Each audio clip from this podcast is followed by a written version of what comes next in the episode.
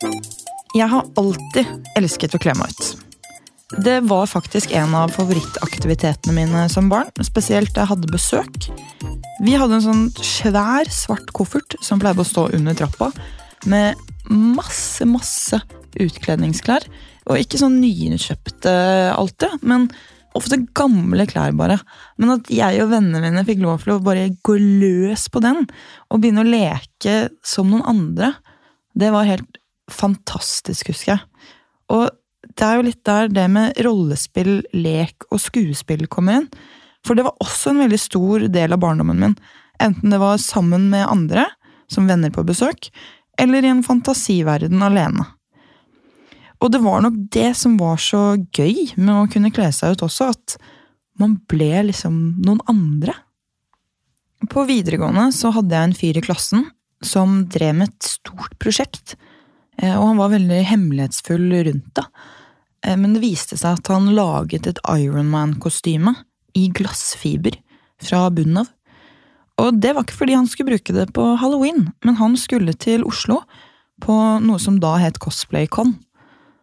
Jeg husker at jeg syntes det var så fett. Og da jeg så bilder derfra, så var jeg sånn Det der har jeg også lyst til å gjøre. Men fordi mange snakket om det på en litt negativ måte, så trakk jeg meg veldig unna det. For det, det skulle jeg ikke ha noe av på den tiden der. Og det var litt det samme eh, et år senere, kanskje, da jeg var på språkreise i California. Så kjørte bussen vår forbi noe som jeg tror var Comic-Con. Og det var bare sjåka fullt med cosplayere! Og det var fra alle mulige serier, og jeg kjente igjen karakterer. Og jeg hadde lyst til å skrike, og jeg altså jeg klinte det kameraet mitt så nære oppi bussruta at det er rart at linsa ikke sprakk. Men også der så kjente jeg liksom på den ah, De andre lo litt, og sånn. Og hvis det kom en stakkar litt lenger bak uh, som ikke hadde kommet frem ennå, så vi kjørte forbi han litt senere, så var det liksom Folk lo og bra, se på han og og jeg vet ikke om de mente det negativt, men jeg som var så sinnssykt redd for hva alle andre mente og tenkte, jeg oppfattet det som veldig negativ prat. Men det er jo heldigvis 13 år siden nå til sommeren. Og på de årene så virker det som at ekstremt mye har forandret seg. For det er jo ikke kanskje helt normalt å holde på med det som heter cosplay, men det er blitt et mye større miljø for det i Norge. I 2021 så var jeg blant annet på noe som heter Spillekspo i Lillestrøm. Og jeg har aldri smilt så mye i mitt liv. Ansiktet mitt verket da jeg kom hjem. Og det var akkurat den samme følelsen da jeg var på Dreamhack i Sverige i 2022, og det kom en rundt hjørnet i Altså, i ankledd som en av favorittkarakterene mine. Og jeg grep tak i en god kompis av meg som også har sett på de samme seriene som meg. Og jeg, bare den ekstasen jeg følte på, det, det går ikke an å beskrive det. Så jeg er veldig lei meg for at jeg ikke har turt å, å følge det ønsket jeg hadde. For jeg har jo fått litt utløp på det, for jeg er jo skikkelig halloween-jente. Og er veldig for å gå all in på halloween. Og de siste årene så har jeg jo faktisk gjort halvveis cosplay, halvveis halloween-antrekk ved å gå som eh, animejenter, da. Ulike karakterer som jeg syns er kule. Men så stopper det liksom litt der, da. Eh, og nå vet jeg ikke om det handler om begrensninger på tid, eller om det er det at jeg faktisk ikke tør. Men jeg tror at de aller fleste undervurderer cosplayere, og ikke minst alle de eh, konvensjonene og konkurransene. Og jeg har ekstremt lyst til å lære meg mer om det, og kanskje få litt svar på om skal jeg faktisk kjøre på og teste ut det her. Eller blir det liksom med dette halloween-opplegget og den fascinasjonen at jeg syns det er gøy å se på. Jeg har i hvert fall invitert Sofie Riis til podkasten. Hun er cosplayer, og tilfeldigvis da hun kom inn døra her, så hadde hun med seg søsteren sin, Tine Marie Riis. Hun er også cosplayer og har drevet med dette i mange år. Så jeg gleder meg masse til å få snakke med dem. Men først litt info, fun facts, det som er relevant. Cosplay er en hobby, subkultur og performancekunst. Selve ordet cosplay er en sammensetning av ordene costume og play. Og det beskriver egentlig ganske godt kjernen i selve hobbyen. For her så kler man seg ut med kostymer og annet utstyr for å ligne en bestemt rollefigur. Ofte så er disse rollefigurene og karakterene fra spill eller animer, TV-serier, mangaer, you name it. Det blir arrangert egne arrangementer for cosplayere og andre likesinnede. Disse kalles gjerne conventions, og her er det også da gjerne konkurranser man kan delta i. Cosplay stammer fra Japan og er størst der, i Kina, Sør-Korea, USA og UK. The World Cosplay Summit, også kjent som WCS, er den største cosplayfestivalen i verden. Og her samles mer enn 40 land for å konkurrere. I Norge så har vi faktisk flere folkehøyskoler med cosplay som egne linjer. Og vi har overraskende mange conventions. Flere enn jeg visste om, i hvert fall. Og det er jo akkurat derfor jeg har invitert inn gjester i dag. Nettopp for å dypdykke ned i og lære mer om cosplay. Velkommen til dere, Sofie og Tine Marie. Takk. Takk. Herregud, jeg er så heldig at jeg får ha begge to i studio her. For dere er søstre. Stemmer. Yes. Hvor gamle er dere? Hvem er storesøster og hvem er lillesøster? Eh, Jeg er vel eh, storesøster, så vidt jeg sjekka sist. Jeg er eh, 33 år eh, og kommer originalt fra Skien, men bor nå i Lommedalen. Ja. Jeg er 28. Eh, Jeg bor i Skien, men jeg flytta akkurat tilbake igjen. Ah, flytte tilbake. Jeg skjønner. Men dere jobber begge med cosplay? Ja. Så Tine jobber vel i litt større grad enn meg, for jeg er frisør. Ja. Så jeg liker å ha den jobben, men eh, altså deltid cosplay. Ja. Mens Tine er fulltid. Ja, jeg sluttet jobben min i 2014 for å satse på cosplay som fulltid. Og så lanserte jeg Tinerific Agency for to år siden, som er et kreativt agency med cosplayere, mange illustrører, fotografer og ja, rett og slett bare basert på full kreativitet. Det er dødskult. Gøy. Jeg er så Ja, jeg gleder meg til vi skal begynne å gå litt dypere inn i det her. Men først, som jeg alltid starter med her, så skal vi ha en liten enten-eller-spalte. Så da skal dere velge Mm. hvilken. Jeg vet ikke om dere vil kjøre én og én, eller samtidig. Hva En tenker og en. du? Rena? Ja. Ja. En og en? Mm. Ok, Vi kan starte med deg, Sofie. Ok. Harry Potter eller Ringenes herre? Uh, oi. Ringenes herre. PC eller konsoll? Det er gode spørsmål. Uh, vet du hva, jeg må si konsoll. Bok eller film? Film. Marvel eller DC? Marvel. COD eller CS? COD. Brettspill eller Arcade? Arcade. Runescape eller World of Warcraft? Ja! Ja! Eh, live action eller animasjon? Live action. Star Wars eller Star Trek? Star Wars. Retro-klassiker eller nytt spill med god grafikk? Retro klassiker. Jeg er litt enig der, ja. Det er godt. Nå, nå har du fått eh, juksa litt her, så har jeg har fått litt litt eh, svar her. Jeg har nå fått tenkt litt. Ja. Jeg sitter bare hmm. Men da kjører vi på med samme med deg. Ja da. Harry Potter eller Ringenes herre? Ringenes herre. PC eller konsoll? 50-50. Oh, bok eller film? Film. Marvel eller DC? Marvel. COD eller CS? CS. Brettspill eller Arcade? Arcade. Runescape eller World of Warcraft? World of Warcraft. Live action eller animasjon? Animasjon. Der var det litt ulikheter. Star Wars eller Star Trek? Star Wars. Retroklassiker eller nytt med god grafikk? 50-50. 50-50. Mm. Herregud. Jukser. Visste jeg? Har jo ingen fortalt at du kunne si 50-50. Det er faktisk et, eh, et veldig godt poeng. Mm. Husker dere altså fordi Alt dette her er jo litt sånn i hermetegn nerdete ting. Mm. Men husker dere når du først liksom tenkte på dere selv som sånn hm, Kanskje jeg liker litt nerdete ting? Er jeg litt nerdete? Eh, Jeg tror ikke jeg begynte å tenke noe spesielt over det før jeg var tenåring. Fordi vokste opp med spill og foreldre som har lært å spille. Så det var vel ikke før ja, man blir litt eldre at man tenker at jøss, det er ikke alle som driver med det her. Nei.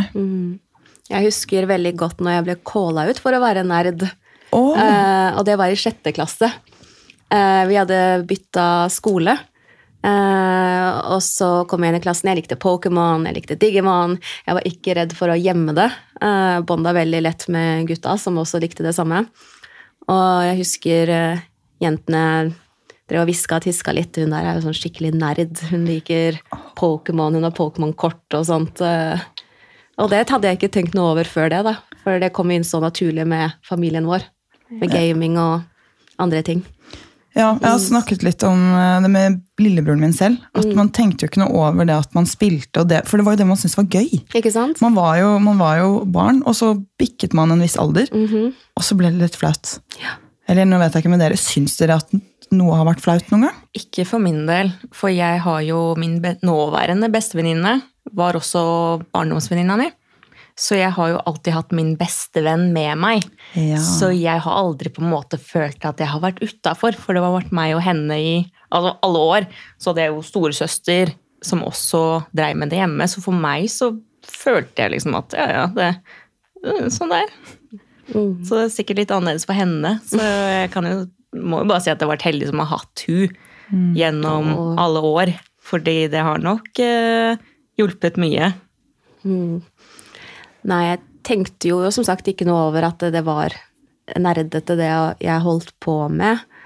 Og etter jeg ble liksom litt calla ut på det av jentene, ikke sant, så begynte jeg jo å tenke litt mer over det, at kanskje jeg ikke burde like disse tingene. Du er jente, du skal ikke like spill. Det var veldig sånn tilbake da.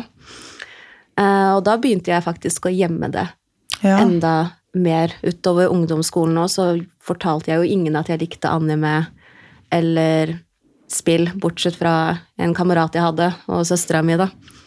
Eh, Så jeg følte at jeg kunne være meg selv når jeg var hjemme da, utafor skolen. Mm. Jeg kjenner meg veldig igjen i det. Ja, ja. Og bare passe på hele tiden. Jeg husker vi hadde sånn kodeord med de få som eh, faktisk eh, spilte med meg. F.eks. Runescape var veldig sånn Det måtte vi skjule. Så vi, jeg husker vi kalte det RS. Skal vi spille RS når vi kommer hjem? Var veldig sånn under radaren. Og, og det var jo det derre Opptakskassetter av Pokémon. Det var noe av det chilleste jeg visste å sette på på ungdomsskolen. Og, og bare se gjennom en gammel, dårlig dub. Men det var hvis noen hadde kommet på besøk til meg når jeg satt og så på Pokémon. Da vet jeg ikke hva jeg hadde gjort. Livredd for å bli utstøtt eller calla ut på det. da. Mm. Så, men det er jo de kommentarene der som du sa at du også fikk, som eh, gjør noe med en. da, Det å få den derre Du er rar, liksom. Ja, ja, ja. Det, det var en sånn veldig ekkel følelse, egentlig, og jeg skjønte ikke helt hvorfor jeg måtte gjemme dette her. Og til slutt valgte jeg å gå vekk fra jentegjengen helt, og endte opp med å få mer guttevenner isteden, da, som åra gikk. Og det var da jeg følte meg velkommen i, da. Men dere er fra et ganske, det er et ganske lite sted. Altså 55 000. Ja, det, det, er, det er større enn Gol på 4000. litt, så kanskje. Det er, det er på en måte mange skoler, Ja. så det er Du kjenner ikke alle. Nei. Men uh, en bekjent av en bekjent type, vil Ja. jeg si. ja, ja. Men allikevel så er det jo ikke alltid det er miljø for det man interesserer seg for heller, selv om det er kanskje et større sted. da. Men for når startet dere med cosplay, og hvordan kom dere inn på i det hele tatt begynne med cosplay? Det, altså, jeg tror vi tenkte mye på det um, fra du var tenåring og jeg var barn, da, egentlig. Uh, vi drev og søkte på eBay, på kostymer, og syntes det så veldig fint ut. Eh, så jeg tror det var vel Tine som dro til USA Mm. i 2009. Ja, som skulle møte min da kjæreste, hemmelig kjæreste som jeg holdt hemmelig for familie til og med. Jeg skulle besøke en venninne. Jeg visste det. jeg Sofie visste det. visste det, så hvis pappa og mamma hvis dere hører på, så sorry. Men Tine så som kom og bare Hvis du sier det til mamma og pappa, da herregud, så jeg kjørte jo flyet helt alene da, til USA. Jeg tror Å, jeg var 18 herregud! eller noe. Uh, og de hadde snakket med hverandre, da, foreldrene på forhånd. Sånn bare sånn for å si ifra. Oh, ja. Eh, men eh, han valgte jo da å dra med meg på et con i USA, for han var jo veldig engasjert innenfor nerdekultur og cosplay og anime fra før av. Eh, Så han bare vil la oss reise på Anime Expo. Der kan du kle deg ut og finne folk med felles interesser og sånt. Og jeg bare Sure. Jeg visste ikke helt hva jeg kom til å komme inn for. Og vi reiste dit, og der var det rundt 40 000-50 000 glade cosplayere som embracet da, det de likte. Og, og da ble jeg så jævlig inspirert til å endelig åpne meg selv litt mer.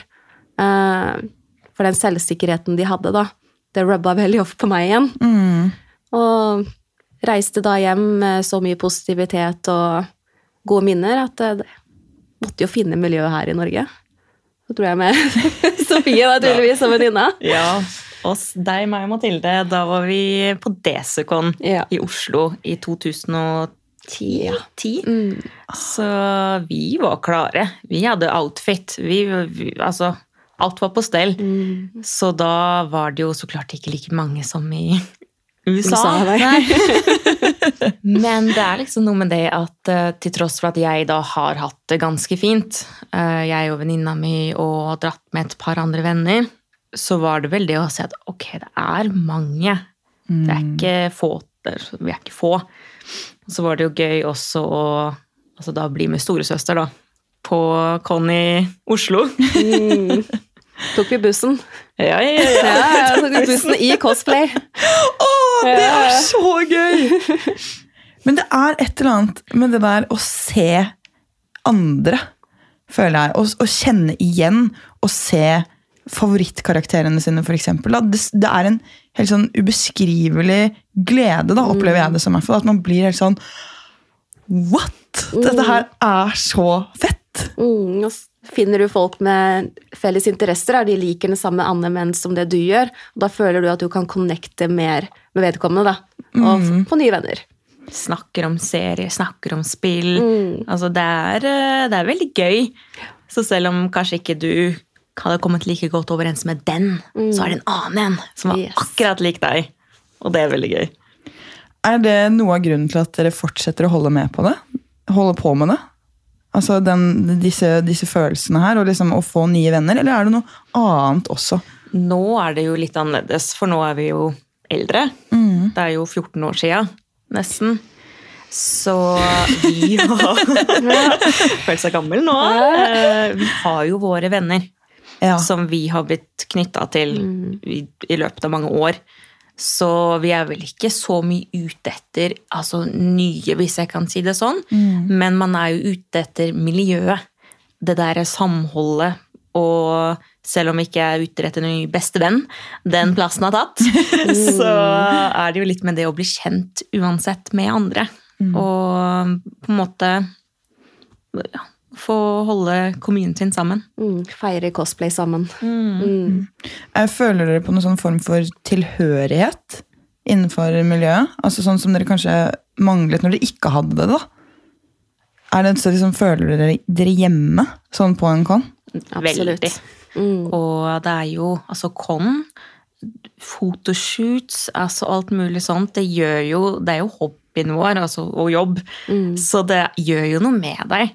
Eh, nå er ikke jeg sånn veldig ut på byen-person, Tine. Men hva, hva Hmm? er forskjellen på å være på Heidis og på Con? Ja, ja, nå skal vi høre her.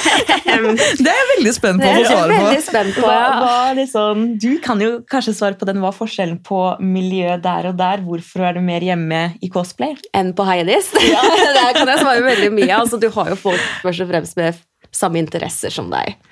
Og folk respekterer deg kanskje litt mer enn eh, det å reise på Heidis og bli kasta rundt på dansegulvet og bli sølt øl på. Men uh, igjen, uh, jeg liker jo Jeg har jo veldig mye energi.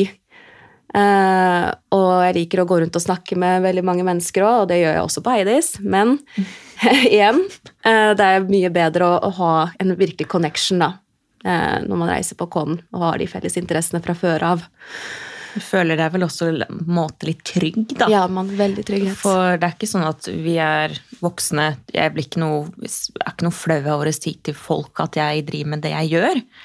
Men det er litt den at du er med mennesker som også gjør det samme. Mm. Så det føles det er ikke som en einstøing, da. Går du i Karl Johan med cosplay på, så blir du jo kikka på. ja. Når du går i gangene på et kon, så er det ingen som stirrer deg ned. Nei. For det er litt sånn, ja, der er der er den, og der er den. Mm. Men eh, hva har det betydd for dere å ha et sånn type miljø og en sånn måte å utfolde seg på? Altså alt. Mm. Det, det er jo Vi sitter jo her, da. Vi jobber jo med det. Alle vennene våre er jo innafor. Om ikke cosplayere, altså gamere, sånn type ting. Og det har jo gjort at vi har fått vår egen lille familie. Det, omtrent, da. Mm. Og jeg vet ikke Altså, ja, man kan jo si mye. Hadde jeg ikke cosplay, hadde jeg sikkert gama og gjort andre ting, som alltid. Men det gjør noe med deg, for det, det gjør deg veldig glad mm. å skulle på en måte tre inn en rolle som en karakter som du er veldig glad i. Mm. Så det er jo veldig sånn et stort highlight, og du får sånn veldig sånn feel good feeling, og du jobber mange timer med et kostyme, og den der følelsen du får når du er ferdig, den kan nesten ikke beskrives.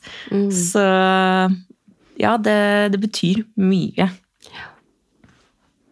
Men har dere Altså Som du sier, da, man hadde fått mange blikk ned Karl Johan. Men har dere opplevd noen ubehagelige situasjoner fordi at dere driver med cosplay? Blitt fridd til? husker du det? Ja, husker du, ja. Det var eh, egentlig noen normies eh, som møtte opp på et con da, på DSU-con i Oslo.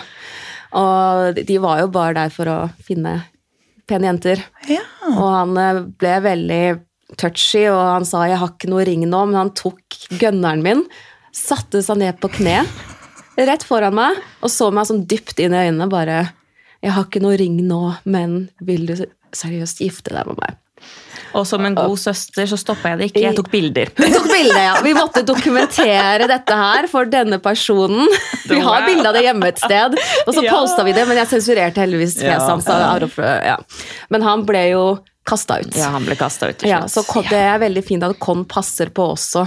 Hvis sånne mm. ubehagelige situasjoner oppstår, så er Connet der for deg. Mm. Veldig. Veldig. Og Altså, jeg tror ikke vi har hatt noen sånn ekstremt ekle uh, på en måte ting skjedd, men jeg har hørt mye. Mm. For vi um, Altså, vi kjører til Con. Mm. Vi tar ikke kollektiv og sånne ting, men jeg har jo hørt om spesielt sånn tenåringer, mm. guttegjenger, som på en måte henger ut og spytter eller sånn, spytter, spytter ting Ja, spytter og altså alt mulig på cosplayere. Og jeg tenker bare herregud, hvor er mora og faren din?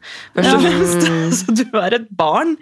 Men eh, det er disse herre litt usikre, unge mm. folka som da på en måte ja, mobber, da, rett og slett. Fordi det er jo sånn de føler seg bedre. Mm. Og da er det jo et veldig sånn godt target da, å ta folk som da er litt annerledes, eller gjør litt annerledes ting. Så vi har hørt mye, og jeg er også med å arrangere et con. Så jeg får også høre mye hvem har vi kasta ut. Ja. Det, altså, folk prøver jo å snike seg inn for å henge ut folk, men de tenker jo ikke på at du, vi er mange tusen her, og du er to stykker. Tror du ikke vi kan ta, ta deg? Mm. Så heldigvis er det i hvert fall god sikkerhet på con. Mm. Og vi er jo ikke redde for å si at vet du hva, vi ringer politiet hvis dere står utafor her og holder på sånn. Det er trakassering. Det, det er ikke lov. Nei, jeg har sett, uh, sett, det henger sånne lapper, sånn at uh, du kan Og det blir litt sånn fordi jeg lo litt av det først, for jeg tenkte sånn Selvfølgelig skal du ikke ta på noen som ikke har bedt om å bli tatt på, liksom. Mm. Men det, det, har jeg skjønt at det er eh, et stort problem også. Den er at når man går i cosplay, så oppfatter på en måte mange at det er sånn fritt fram. Da, mm. så da blir det på en måte plutselig et objekt. da, som er Ja. sånn, Jeg bare tar bilder av deg uansett om jeg har spurt om jeg er lov eller ikke. Jeg kan holde hvor jeg vil på deg. og At det blir litt den der, Og folk blir tatt på upassende steder altså fordi man har på seg et kostyme. da. Yes, det har skjedd med mange. Cosplay is not consent, som det heter. Ja, Ja, det er det er det, er det, ja, det er det det står. Det skjer, det. altså. De tror jo Vi cosplayer jo i hovedsak for oss selv. Mm. Alltid. Men folk tror jo liksom at eh, de kler seg ut for oss. Ja. Sånn at vi kan eh, Vi har tatt bilder med de, og de tar jo bilder i ny og ne. Det er derfor vi pusher veldig på det at det er viktig å spørre. Mm. Vikt, alltid viktig å spørre. Selv på gamingmester også har det blitt veldig viktig at uh, gjør det åpenbart at folk ikke kan gjøre sånn type ting. Men er dere veldig sånn åpne om Eller du sa jo litt det i stad, at Mm. du er åpen når du møter folk og sier Men hvis det, du møter noen på Heides, da! Ja, jeg, Ja. jeg møtte noen som kjenner cosplay bare- da, så det Sier du, hvis de spør sånn, ja, hva driver du med, sier du med en gang cosplay da? Ja, jeg sier bare cosplay, og mesteparten vet faktisk hva cosplay er. Så deilig! Så alle, jeg trenger ikke å forklare det engang. Bare cosplay. Bare, ja, fett, ikke sant? Så de syns jo det er kjempegøy. Begynner jo heldigvis å bli en litt mer normal, normal ting, hvis jeg kan si det sånn. Ja, blitt popkultur. Ja, folk veit hva det er, for det er mye media. Så det er litt deilig. Det er det. Ja, men jeg føler det har vært en helt enorm utvikling de siste årene. Fordi det var ikke sånn da jeg gikk på videregående. I hvert fall etter covid òg, så sprengte det jo også. Ja. Åh, er det, var det stor forskjell etter covid? tror veldig mange fant det på TikTok og Instagram og sånt, fordi da satt folk hjemme da. Så det er veldig mange, altså, eh, ja, cosplayere som kom da, eh, etter korona. Merker vi veldig på kon. Mm. Ja. Folk ville være kreative under covid òg, finne på noe, ikke sant? Bruke kreativiteten, så den blomstra jo veldig òg. Så vi har sett mange nye cosplayere etter det åpna i Norge, så vi var jo helt sjokka. Så bare, gøy! wow! Herregud. Men uh, må Altså, fordi jeg uh, Sånn som når jeg på halloween, da, for eksempel, har vært uh, anime-karakterer, så har jo ikke jeg sydd det selv, eller noen ting. Mens med cosplay så føler jeg da må man kunne sy. Er det sånn? Nei, Nei, nei, nei. Nei? No, no, no, no. altså, cosplay har så mange altså, Det er som paraply med mange armer. Fordi du kan kjøpe. Nå De siste åra har det kommet mange fine sider som har relativt gode kostymer du kan kjøpe. Og så Det er bare å gjøre det. Fordi hvis ikke du skal konkurrere, og du ikke da kan sy, hvorfor skal du slite deg med det? For da vil du bare ha det gøy. Du vil Ja. bare være en karakter. Du kan være kjempeflink og ha et kjøpt cosplay. Gjør sminka, ordne parykken. Finish. Så lenge, altså Når du skal i konkurranse, må du jo lage. Men er du ikke der på den kreative biten, så er du ikke noe mindre cosplayer av å ikke på en måte lage det sjøl. Så deilig å høre, fordi jeg eh, blir jo litt sånn overtenker, da, så jeg kan se for meg at jeg hadde kommet der i mitt liksom, kjøpte kostyme, at alle er sånn 'Du er kjøpt, du er ikke velkommen'. Nei, det er absolutt ikke. Det er flere som tror det. Jeg har også hørt det, at de føler at de må lage, men det må du absolutt ikke. Det er kun hvis du vil. Mm. Så, så deilig. Og vi hadde jo en veldig fin samtale før vi skrudde på podkasten, som vanlig pleier å skje. Men fordi dere har jo holdt på med det såpass lenge at det har jo ikke alltid gått an å lage de samme tingene som nå. Nei, absolutt ikke. Det, du skal ikke så lenger enn tilbake til 2014. Eh, da husker jeg at en som heter Kamui Cosplay, skulle komme på Desukon. Og da sa jeg til Tine Tine, se her! De, de lager rustning av noe som heter Vorbla. Hva er det for noe? Det er ikke sånn der eh, yogamatte fra Biltema. Ikke er det pappmasje heller. Hva er dette her, liksom? For før så måtte vi kjøpe sånn mosegummi fra Panduro. Det, og- Mosegummi? Det, det er foam, men det heter De mosegummi. barnetiaraene som er myke, sånn skummaktige, vet du, som du kjøper noen ganger. Ja. er sånn. Så, sånn på Panduro, yogamatte fra Biltema. Og vi visste jo ikke hva vi dreiv med. Pappleier fra Ja. Og fiberglass. Altså hvis du hadde Vi fikk lært det. Så det at Vorbla da kom i hvert fall litt mer sånn til Norge da, i 2014, det var jo game changer. Fordi da begynte jo folk å bygge rustning sånn ordentlig.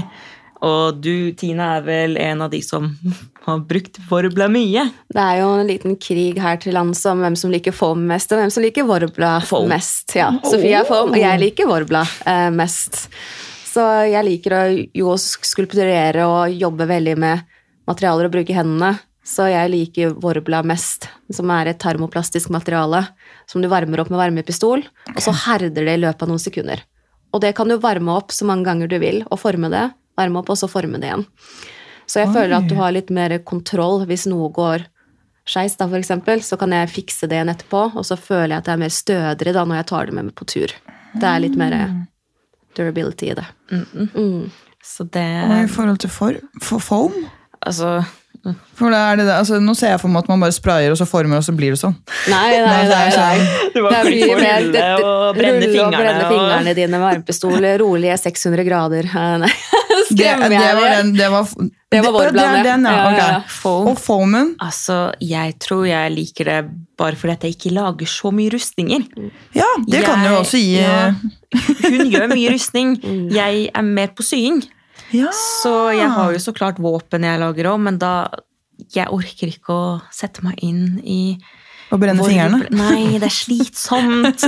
Best fingre, Og, altså, jeg er sånn som ikke orker å vente på priming og ditten og datten. Så jeg tar da foam, fordi da har jeg brukt lang tid på å sy, og så kan jeg bruke litt mindre tid på å lage våpnene mine. Men så klart, hvis du får den en takk, så er den jo ødelagt. Okay. Mens vorble er mer stødig tykk, da. Så altså, det er jo et veldig bra materiale.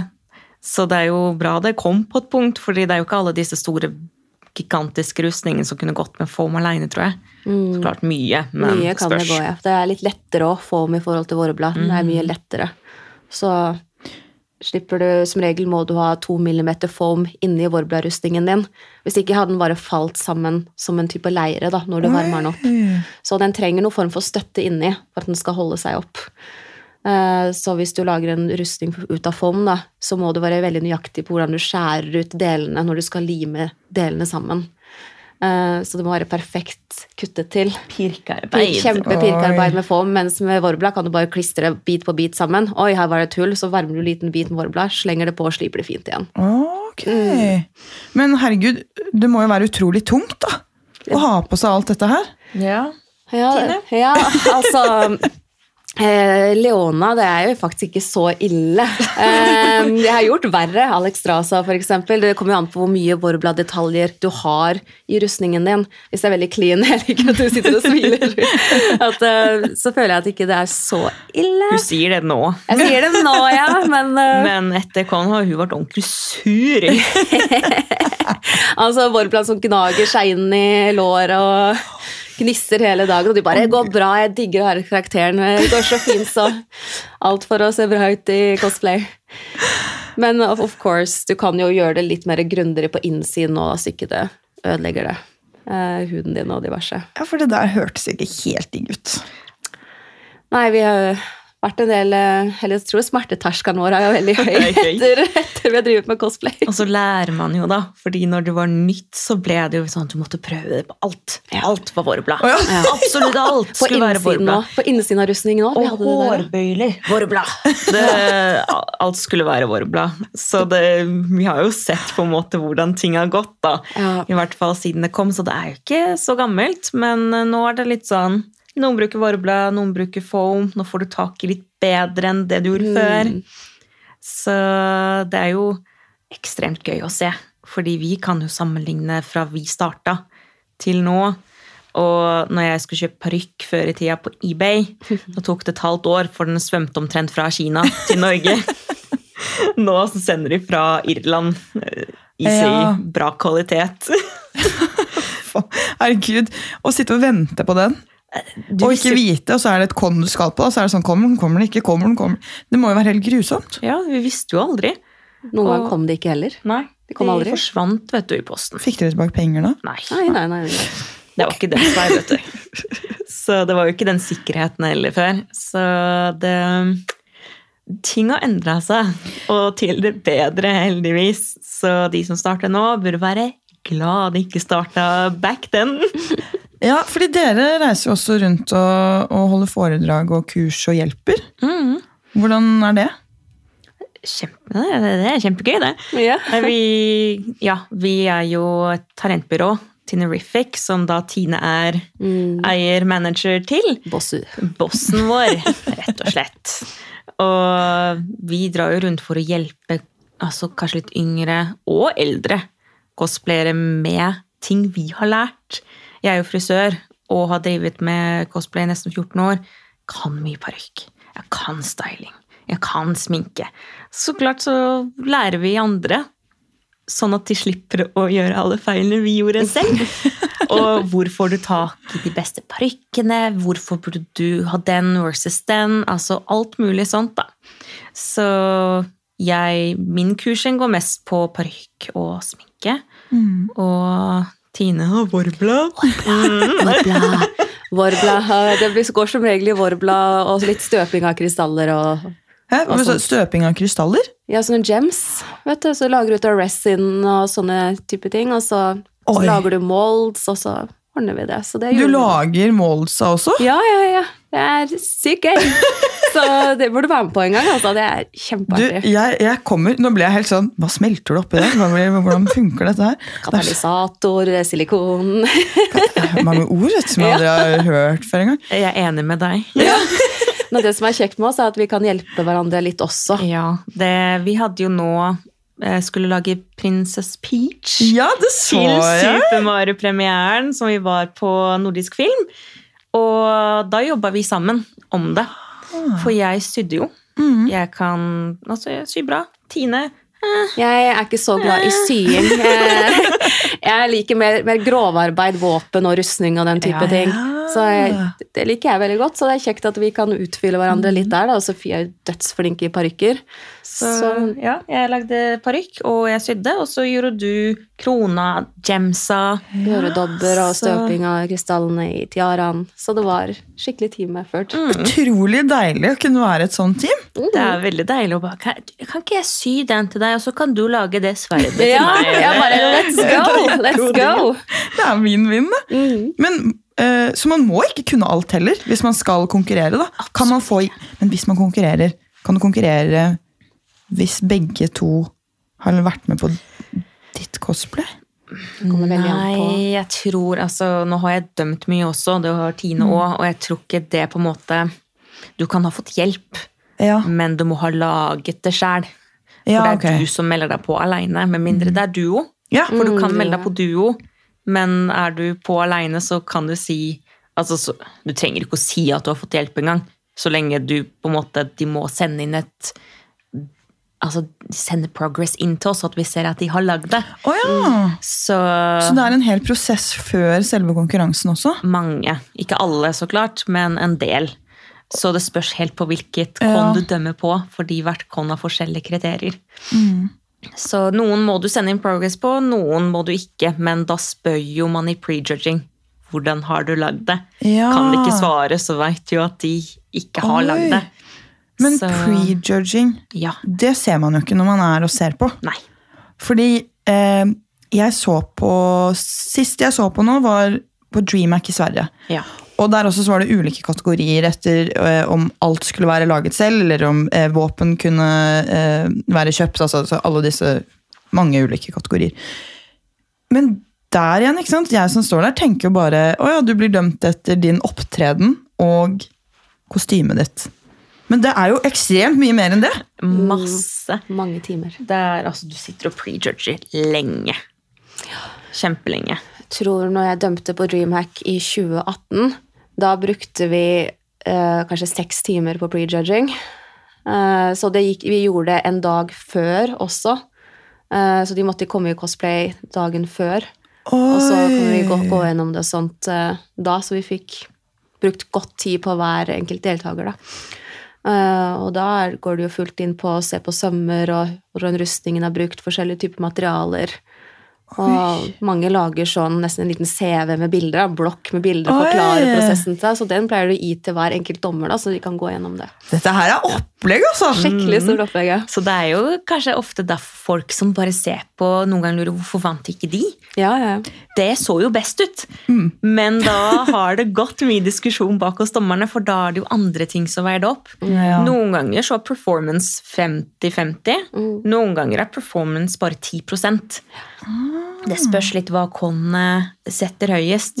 Så alt er liksom Du kan si at hvis, du, hvis det hadde vært to stykker på en konkurranse, hvor én hadde en kjole, og en hadde en sånn derre wow-rustning, så tenker man jo å, rustningen. Mm. Men det er jo ikke for så vidt det som har noe å si. For hvis alle de sømmene på den kjolen er perfekte, hvis mønsteret er perfekt, og hvis den som har laget rustning, ikke har prima den nok, så vinner jo sømmen. Ja.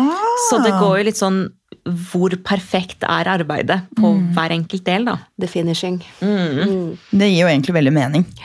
Og det, men det er jo så mye man ikke Sånn som en kjole ikke sant? kan se så simpel ut, men det var veldig bra det de gjorde der. For eh, de dommerne der påpekte på den ene kjolen hva som var håndsydd på. At hver eneste lille sånn her mini-gem var sydd på for hånd. Og da var det sånn Ok.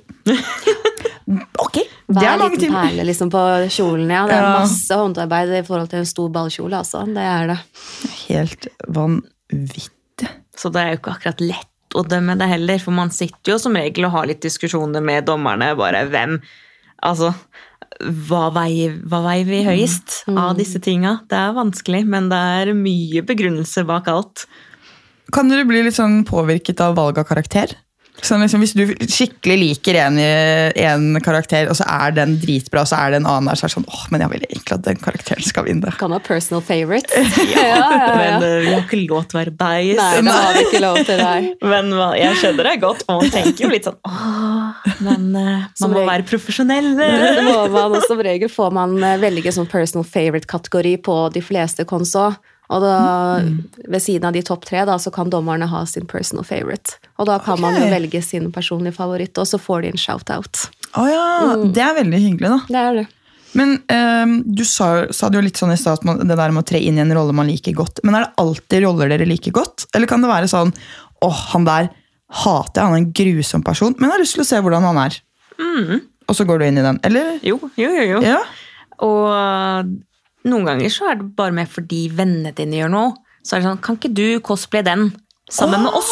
Så at vi blir en gruppe. Ja. Så det er jo flere av mine venner og jeg som har cosplaya karakterer vi egentlig ikke kjenner til. Ja. Fordi vi vil være sammen. Ok, så det er faktisk det, ja. Så jeg tror du blir mer sånn passionate når det er dine favorittkarakterer. Men man gjør jo ting for vennene sine og litt for gøy.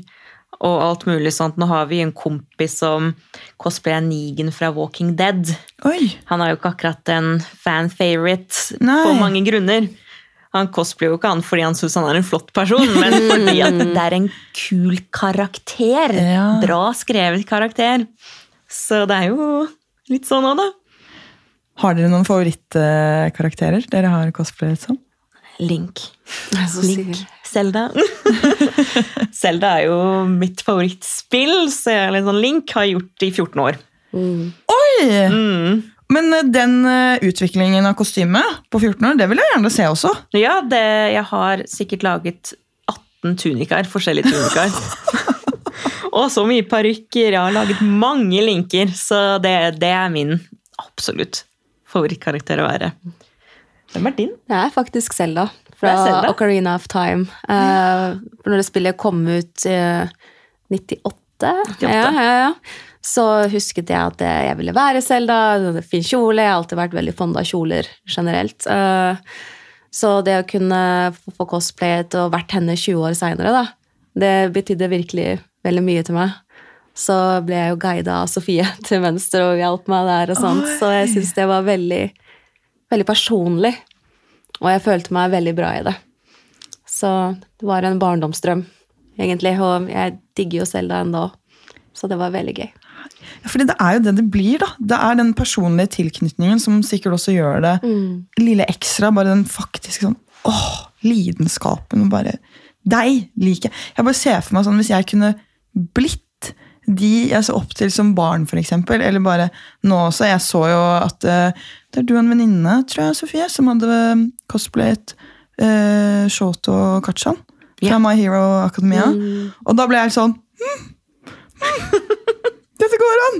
Eller da vi så uh, jeg og en kompis som ser veldig mye på anime, uh, var på DreamHack, og plutselig så kom hovedkarakteren fra Sword Art Online forbi. Og man blir jo helt sånn derre «Ah! Der er han!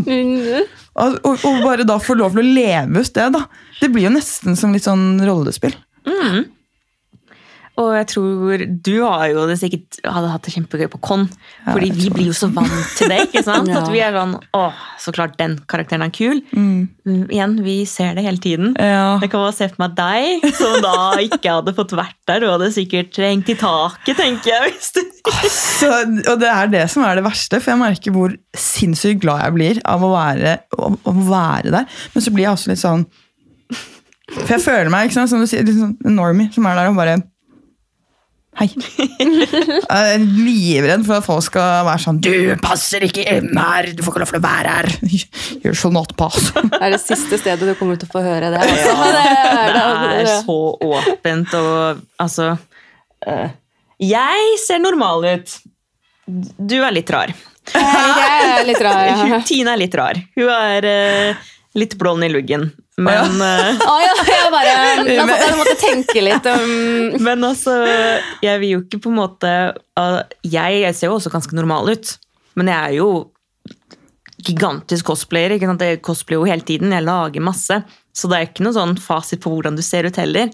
Jeg tror at mange innser også at de som ser normale ut, er også velkommen inn i miljøet. For det var en periode hvor det ble sett litt ned på. Ja, det var det. Det var det. Ja, Det kan jeg se for meg. Uh, At liksom, du, du tilhører ikke her. Og så er det litt den der at man, det har vært noe som har vært litt tabubelagt, eh, man ikke har fått lov til å leve ordentlig ut, og så endelig finner du ditt miljø, du får være akkurat den du vil, sammen med de menneskene som liker det samme, og så skal en av de som ligner på de som fucka med deg på videregående, liksom komme og bare Så jeg skjønner den, jeg skjønner den kjempegodt, fordi at man, men det er jo igjen det der å plassere folk i litt bokser, da. Yes. Det er skummelt begge, begge veier, men jeg kan, jeg kan se den at det blir sånn, nå kommer du her og tråkker på mine ting, da, som, som er mine.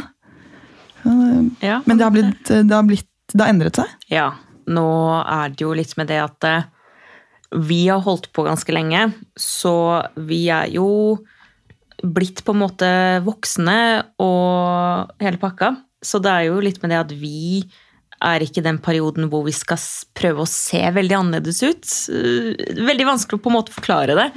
Men man vokser jo også med det, og så innser jo da de som er yngre nå, at ok, de ser vanlige ut. Så det går greit. Og jeg vet ikke, det bare virker som at det har blitt en mer normal ting, for veldig mange cosplayere ser helt, helt normale ut nå. Det var bare en periode hvor jeg føler at veldig mange prøvde på en måte de, de virkelig Det er veldig vanskelig å forklare at de kanskje ikke visste ikke helt hvem de var, hadde ikke funnet seg selv ut, Ja. måtte skille seg litt ut Ja. for å passe til personligheten sin. Det, det kan være mange forskjellige grunner, men jeg veit at det var mer normalt før. Og i dag møter jo også folk som er fans av cosplay opp på kons òg. Ja. Som er fans av cosplayerne og vil bare se på cosplayerne. eh, Som er fascinert av det generelt òg. Og det er jo veldig gøy. Ja, det er jo ikke alle som har lyst til å cosplaye. Nei. Nei. Men det er jo mange som syns det er veldig gøy. Så du har jo f.eks. Spillekspo, der vi har en god miks av cosplay og eh, barn og nerder generelt. Og alle syns jo det er kjempegøy å se cosplay. For det er jo ikke kanskje deres største ønske å bli en cosplayer, men å se at andre gjør det, det er liksom De Det er setter nice. pris på cosplay. Det er veldig gøy, faktisk. Nei, Spillexpo det var min første jeg vet, Kaller man det en, eh, en convention? Ja. Ja. Ja. Hva er det som skal til for at det er en convention? Altså, så lenge det er folk. ja, så lenge det er folk, ja. altså, Hvis du er en messe, da, så er du et con. Ok. Og altså, Spillekspo har jo dratt inn mer cosplay de siste åra. Så de, de har vel egentlig stempelet Comic-Con Norge. Ja! ja, det- Spillekspo ja. Comic-Con. Så de har også prøvd veldig å på en måte dra cosplay inn, for de ser at dette her henger litt sammen. Cosplay og gaming, det er hånd i hanske. Ja, men det gjør det. Og alt litt sånn eh, nerdete og fantasy henger sammen. Altså, liker du på å game, så er det en stor sannsynlighet for at du liker anime, for eksempel. Og det er sånn jeg begynner å se nå, etter at jeg i hvert fall begynte å åpne opp litt om at sånn, jeg ser på anime, jeg er faktisk litt nerd, eller skapnerd, da, som podkasten heter, så var det jo enda flere som begynte å åpne seg til meg. Og det er, jeg føler at det er så sinnssykt mange som egentlig liker gaming, anime. Altså, om det så er rollespill og Dungeons and Dragons. Altså, men de tør ikke å si noe om det, ikke sant? fordi at alle er så vant til at kanskje den eldre garden mest er vant til at sånn Det her må du dysse litt ned. Mm. Du kan ikke stikke deg så ut. Men så stikke deg ut, det er ganske vanlig. Det er det. Ja, det er veldig deilig at det begynner å bli litt sånn at uh, hvem som helst kan gjøre det. Og det er jo omtrent ingen Altså, jeg er frisør, snakker med mange. Og hvis jeg nevner cosplay eller gaming, så vet alle hva jeg snakker om, omtrent. Og det sier jo litt at det har blitt mer åpenhet rundt det. Og nesten alle gamer jo på en eller annen måte nå, vil jeg si. Alle er en gamer på hvert sitt vis i dag. Og anime har jo også kommet mer into the mainstream. Du ser jo på kino nå, har jo tatt inn Netflix har og masse. Andre, Netflix og mange, ja. Det er en drøm. Det, er- det er så nice. Men det er ikke like mange som går på alle kinoene, og det skal jeg bare skrive under på. fordi jeg og en kompis vi endte opp med å sitte meg og han i salen pluss en far og en sønn. Ja. Det var eh, på den ene My Hero-filmen. og Vi satt der og var sånn Yes, er, har vi, er det feil tidspunkt, eller hva er det? Men så har man på liksom uh, Jujutsu Kaisen-filmen som var nå sist. Så packed! Den var packed! Det var så fullt. Og da blir jeg sånn Det er herlig. Helt fantastisk. Jeg blir så glad. Det var jo det på Demon Slayer òg. Når vi ja. Når vi var på den i Sandvika. Det, Jeg holdt på å si skulle, Kanskje vi var på samme, men uh, jeg var ikke sånn. Men det syns jeg gøy at de sender anime-filmer nå. De på en måte har kommet så langt at vet du hva, kinoene viser også dette. Og det som også kjempegøy en periode, var når de begynte å sende Studio Ghibli-filmer Ja. på kino. Som er gamle. Ja, ja, ja, ja, ja. Fordi de ikke har blitt vist i Norge. Det var dritgøy. Det er mye barndomsminner. Fy søren, så koselig. Men er det sånn Hvem passer til å holde på med cosplay? Er det noen sånn spesielle karaktertrekk? Eller er det, kan jeg starte med cosplay? liksom? Ja. Alle kan. Alle kan. Alle kan. Du finner bare din egen på en måte, måte du gjør ting på. Er du en som liker å sy crafte, så vet du at ok, da syr jeg craft, ja. Så blir du kjent med andre som er der. Så finner du noen som er på ditt sånn, ikke nivå, men viben, på en måte. For det er jo også, du finner jo venner i miljøet på samme måte som du finner venner i hverdagen. Du skal komme overens. Eller om du da velger å Nei, jeg kjøper. Jeg orker ikke bruke tid og penger, for det er dyrt å lage selv. Så det er eh, Alle kan gjøre det. Det fins alltid en måte å gjøre det på. Uansett. Mm. Det skal sies at vi i det norske miljøet er veldig flinke til å hjelpe hverandre hvis noen spør om hjelp også. Vi har jo Discord-gruppe og Facebook-gruppe der folk kan komme inn og spørre om ting og råd. Og mange er ganske kjappe på å svare og hjelpe hverandre der. Silje for eksempel, er med en gang å hjelpe. Hun jeg ser Silje er så aktiv, vet du. Så det er kjempebra, Silje, hvis du hører på. så det er jo mange tutorials også der ute i dag, for før hadde ikke vi noen tutorials som Sofie snakket om tidligere. Men eh, vi prøver jo også å hjelpe i agency da, med å finne ut av ting, og vi har en, eh, en link til en sånn bloggpost da, hvor du kan starte å kjøpe materialer i Norge òg. Ja. Så vi er jo ganske åpne på å få nye mennesker inn i miljøet hele tida, for de som vil ha hjelp. Så eh, første steg, da, hvis jeg har lyst til å starte med dette, her, hva blir det da? Finne, finne på Facebook, f.eks.? Eller joine en Discord-gruppe? Vi har eh, norske cosplayere, eller en Discord-gruppe for cosplayere i Norge. Typ, ja, Cosplay tror jeg. Norge, og så. Facebook-gruppe. Um, men altså, du må jo ikke gjøre det heller. Hvis du kjenner noen, Mm. så er det jo å kaste seg på de, og så blir du kjent med folk på kon superlett. Ja. Altså, du kommer i prat med alle, og da Det går ganske fort derfra. Og om du da bestemmer deg for at vet du hva, jeg har lyst til å prøve å lage et eh, Ja eh, Få hjelp av noen som kan si. Mm. Eller prøv selv. Kjøp mønstre. Ja. finner masse mønstre på Etsy til karakterer. Oi, gjør du det? Ja, på Etsy? Etsy har masse sånn du kan kjøpe typ eh, Da jeg skulle lage de her granatene til Bakugo. Det kjøpte jeg et mønster av på Etsy. Printa det ut. Uh, what? Så du kan kjøpe mønstre hvis du ikke greier å lage det selv. Til akkurat den karakteren du vil ha, som regel. Og så kan du ta det derfra. Eller om du kjøper første gang. Bare for å liksom dyppe tåa inn i eh, con-verden, da. Og for de som ikke har noen å henge seg på, for nå blir jeg sånn herre Hvis jeg skal på con så kommer jeg til å sende dere melding. Sorry, ass. Sånn er det. Det er jo helt fint. Men for de som sitter nå alene, de har ingen venner som driver med det, kjenner ikke noen bekjente eller kan eh, Så er det veldig skummelt å skulle møte opp på Heter det én eller ett con? Ett con. Et kon, ja. Et con. Mm. Eh, møte opp på ett con alene. Jeg tror det. Vi har på Kawaii-con, det jeg sitter i styret på, der har vi hatt cosplay blind date før. Oi! Men neste år så skal vi ha sånn friend speed. Ja. Sånn friend speeding. Fordi mange Vi hadde sånn skjema at folk kunne sende inn. Hva savner du å ha på con? Og da var det at jeg var aleine. Det er vanskelig å komme i kontakt med folk. Noen sliter litt med det. Så noen kon tilbyr jo litt sånn aktiviteter for folk, da, sånn at du kan bli litt kjent på den måten.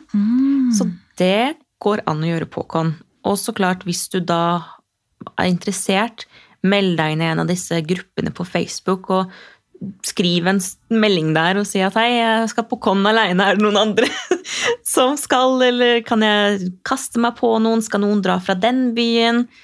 Alt mulig sånn. Så det, det er jo helt lov å gjøre. Og igjen, vi er et superåpent miljø, og de fleste er bare glad for å hjelpe. Hei, jeg blir eh, helt eh, rørt. Det her er så hyggelig. Jeg tror det er så mange, i hvert fall ungdom, som trenger et sånn type miljø. Og jeg skulle ønske at vi hadde det da vi var yngre. fordi det virker liksom som, som vi har snakket om, at det begynner å bli bedre. Men bare på den tiden hvor man ikke hadde det. da. Det er, eh, er så kjipt. Så jeg er så glad. Og dere er jo store bidragsytere til det her. Herregud. Dødskult. Jeg blir så glad. Jeg er glad at det vokser, og at det, Ja, altså vi er jo bare glad for å kunne hjelpe og Ja. ekspandere det videre. Og liksom kunne fortsette å bidra, sånn at det er lett for yngre å bli med. Det er veldig gøy å se at mye tenåring ikke sant, kommer inn. Og jeg, jeg kan jo ikke snakke for mye om tenåringstiden for min del, for jeg hadde det veldig fint. Men jeg hadde venner som var nerder, men så har jeg jo hørt av alle, inkludert søstera mi, at de ble mobba. For de var annerledes. Og da er det veldig kjekt å kunne gi tenåringer for eksempel, da, et sted hvor de kan bare være seg selv. De har en sånn supportgruppe bak seg hvis det skjer noe. Mm. Og så har kommunene også begynt å lage ungdomsklubber og sånt for kreative sjeler også. Makerspaces. Så for eksempel i Bærum da, så er det jo Flisspikkeriet. Der har de lagd en stor cosplay-workshops med varmepistoler, 3D-printere, masse forskjellige ting. Som kommunen, Som kommunen sp- har sponsa til, ja. Eh, og de skal ekspandere enda mer, for det er fullt. Så de skal få en enda større workshop for cosplayere nå snart. Jeg kan ikke si så mye om det. ennå, jeg skal ikke spoile det. Men, eh, men eh, det sier litt om hvor populært tilbudet er. Hvor kreative og viktig det er å få et sted for cosplayere. Så det at kommunene også ser det rundt omkring, det er helt fantastisk. At de prøver å samle de. Det er jo kjempegøy å se også liksom voksne, da, i gåstein. Fordi vi hadde jo eh, Da vi var yngre, så hadde vi en stebror. Eh, og så mista vi kontakt med han når våre foreldre skilte seg. Så dukka han opp for et par år sia, eh, han er vel 25, og sa hva skal vi henge. Jeg bare, ok, vil han henge med oss? Vi er jo ganske nerdete, men ok. Han så så normal ut, tenkte jo. Han tenker jo det. Og han kom, og han syntes det cosplay virka så gøy. Og nå er han fullinvestert. Er det sant? Han lager ting, han lager kostymer, han lager våpen. Han er der. Det har gått to år. Og han lagde sin egen cosplay-side på Instagram. Og dette her er jo en altså, voksen gutt da, som bare fant den hobbyen her så seint. Ja. Og det viser jo det at kan vi gi tilbud tidlig, så finner også folk seg litt tidlig. Så det, det er også voksne som innser at vet du hva, det her var dritgøy. Dette vil jeg drive med. Så han syns jeg er et veldig godt eksempel på at eh, ja, ja, det kan skje seint òg. Men han er fullt investert. Så utrolig gøy. Ja, for det handler om det å ha arenaen der til å faktisk gjøre de tingene man liker. Men får man ikke mulighet til å teste det heller, sånn, i barne- og ungdomsår, så skjønner man jo heller ikke at man liker det. ikke sant? Så nei, jeg, jeg bare merker, jeg, jeg savner jo å ha en sånn arena selv. Sånn, selv om jeg nå snart er 28, så er det sånn Ja, eh, sånn man bare, fordi på, etter videregående så man slutter å sp eh, drive med sport. Man slutter kanskje å spille teater hvis man har drevet med det. Altså, det er så mye som slutter, og så savner jeg sånn voksen, voksenaktiviteter. Det hørtes også veldig Ja, voksenaktiviteter! Ja, ja, vi driver med voksenaktiviteter, vi, vet du. Nei! Nei, slutt da. Eh, Men eh, et sted der man kan få, få litt utløp, da, uten å heller være så sinnssykt god. For det føler jeg også ofte på at sånn, skal man på noe som voksen, så da er du god. Så det er derfor du drar på fotball, eksempel. Du kan spille fotball. Du kan ikke komme ned og være sånn jeg spilte på videregående, og liksom, litt sånn så, Men man kan jo egentlig det. Ja, Og man kan jo også bare Fordi det er det, man må finne de stedene. Og det må bli lagt til rette for at Hei! Velkommen! Det er bare å komme. Så det her er uh, veldig morsomt. Dette, dette workshopet du ikke kan si så mye om. Spør for en venn. Jeg spør Lesker for Friend, ja, ja. De har jo det åpent nå, der de har det per nå. Det er jo flisespikkeriet Ja. på Bærums og de har også uh, laget uh, Folkeverksted, heter det også på onsdager. Og da er det for folk over 18 og 20 som Ja. kan bruke workshopet fritt. De har tenkt på det. altså. De har tenkt tenkt på det, ja. voksne. Er flere ja, som har tenkt på det, så det er flere voksne også som prøver å samles da, for å ha en kreativ kveld sammen og samles og crafte sammen. For det er best, egentlig, syns jeg, å jobbe sammen. Man engasjerer hverandre litt mer når man har en workshop-kveld. du får litt boost. Yes. Det er som kunst og håndverk. Ja, det er det. Arts and veldig sånn. Vi skal jo ha workshop-weekend, deg, meg og Yes. Helen. Da skal vi sy og lage kostymer, og det er jo litt sånn Vi, vi tar helger og bare tenker at nå skal vi ha det gøy sammen og kose oss Mm. med dette her. Herregud, så koselig, ass. Ja.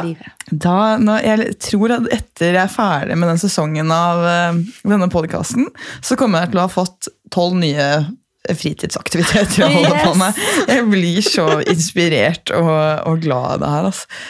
Herregud. Men eh, jeg tenker eh, Herregud, tiden går så fort. Mm. Og det her, jeg kunne sikkert sittet og snakket med dere i tre timer. Men eh, jeg har et lite spørsmål igjen til dere.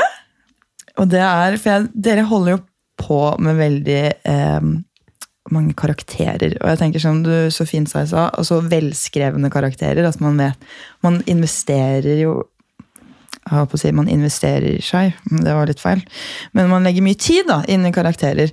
Og da må man jo bli kjent med de også. Og da lurer jeg litt på Har dere noe crush fra fantasyverden, anime, bøker? Eh, jeg ser jo på mindre anime enn det Tine gjør. Jeg er litt med på film og spill. Man kan ha crushes der også. Jeg veit, men den er litt fæl. Fæl! ja, min òg. jeg tror det er så søstergøy. Åh, jeg har skikkelig crush på Michael Myers. Michael Myers? Han derre morderen med maske på. Hæ? Med kniver. Nei, hva er det du sier for noe? Jeg skjønner henne litt, da. Han er også i et av spillene jeg spiller veldig mye. Eh, og jeg veit ikke hvorfor. Jeg har bare veldig veldig crush på Og I alle dager, vet du hva, skal jeg si deg noe? Nå prøver jeg med mitt hardeste her å google, så jeg kan få opp et ansikt, men eh, dette internettet funka ikke sånn det skulle. Vet du hva, Jeg må finne mobilen min. altså. Beklager. Til dere. Nå, ok, Hva er det som gjør han så attraktiv? Jeg har ikke peiling. Eh, han, Han er psycho. han, er, han sier ikke så mye. Han er svær mann som dreper folk. Maske. Ja, men Han har jo på seg en kjempestygg maske! Den er litt fin, da. Men vet, vet man, fordi dette her har jo ikke jeg sett. Jeg har ikke, Har du ikke sett det. sett Halloween? Nei, Den er fra altså, 1979. Men jeg, jeg turte ikke å se på skrekkfilmer før i fjor. Ja, for dette her er sånne gamle slasher-filmer. Men tar han seg noen gang av den maska? Ja, Hvis, det er da du syns han er kjekk, eller med maska? Med maska. Uh, the mask stays on, som Ja. de sier. Uh, jeg har ikke peiling på hvorfor. Jeg er veldig glad i sånne gamle klassikere, Ja. sånne slasher-filmer. Og jeg spiller også spill som har med de å gjøre. Så vet jeg ikke, bare en eller annen sånn psycho del av hodet mitt som Å, Åh, han, er, han er ganske snasen.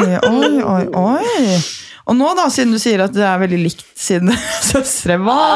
Hvem er det som kommer her nå? Nå må jeg, si, må jeg sitte Altså, klar her nå. jeg tror du allerede vet hvem det er. Det er jo, det er fra anime. Det var jo min første ordentlige anime-crush. Det var jo Kishu fra Tokyo Mew Mew. Eh, og hvorfor, det er Ja. Han er en alien. Han er en alien med lange ører. Å ja! Han, ja, ok, men er han, er han slem? Ja, han er Ja, okay. slem. Han eh, For dette har jeg ikke sett.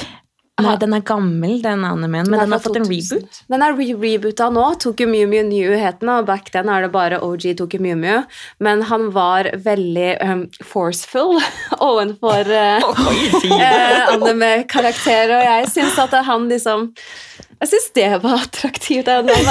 Jeg tror man får en sånn tendens til å få en crush på disse villainsa fordi Ja. de er bra skrevet. Ja, ja. Men ja, fordi bra skrevet villain er noe med det. For det blir litt sånn tabu. Og man, altså, jeg tror man aldri hadde gått for det i virkeligheten, men tanken på det, det er vel det som gir deg en litt sånn crush, tenker jeg. det, jeg, jeg er faktisk enig. Og det er fordi jeg har stilt det samme spørsmålet til eh, flere som har vært her.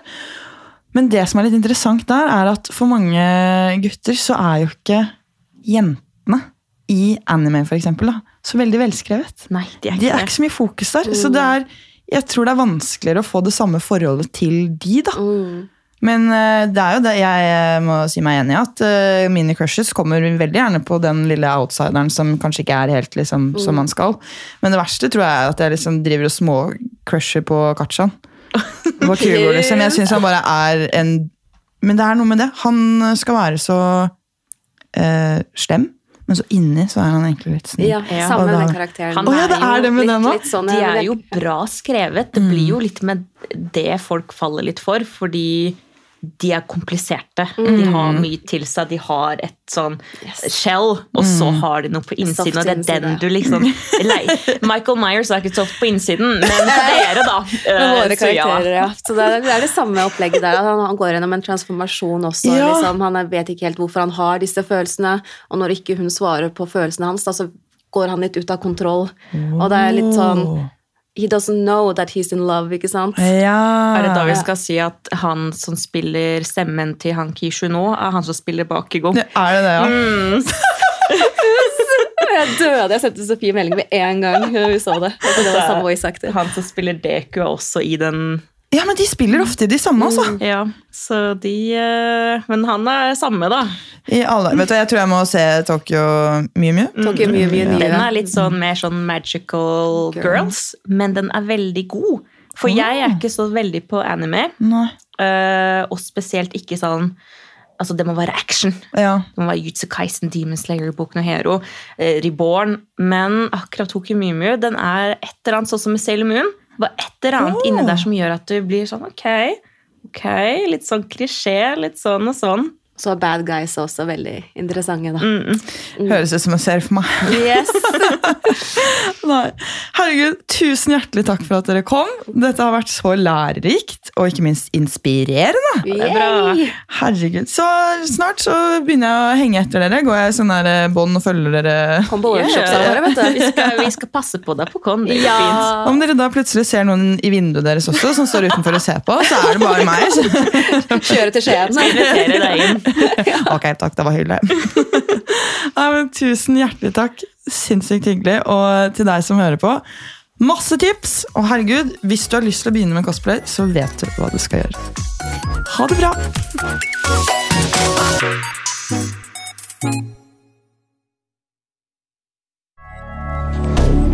Moderne media.